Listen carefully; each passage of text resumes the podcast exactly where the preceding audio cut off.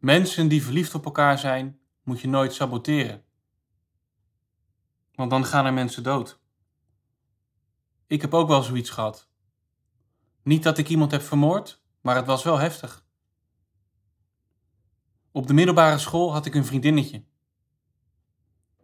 Mijn vrienden waren jaloers op mij dat ik zo'n knap meisje wist aan te trekken. Dat heeft lang nageëtterd. Ze dachten eerst dat we niet zo goed bij elkaar pasten. Terwijl dat wel zo was. Het heeft me diep geraakt. Ik kon het niet met haar delen en heb daarna helemaal geen vriendin meer gehad. Haar ouders waren de beste vrienden van mijn ouders. Dat is tegenovergesteld aan Romeo en Julia. Onze ouders leerden elkaar kennen dankzij onze relatie. Maar tussen ons is het uitgegaan en het komt nooit meer goed. Ik kan haar niet achter me laten. Normaal gesproken doen mensen dat door een nieuwe relatie aan te gaan, maar dat gebeurt maar niet.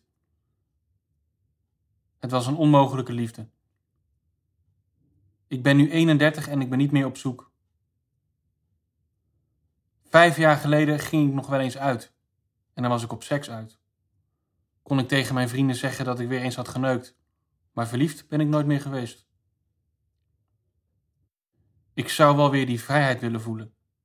Maar wat ik dan tegenkom is mijn gebrek aan zelfvertrouwen. Ik ben niet goed genoeg. Dat vind ik misschien nog steeds wel een beetje.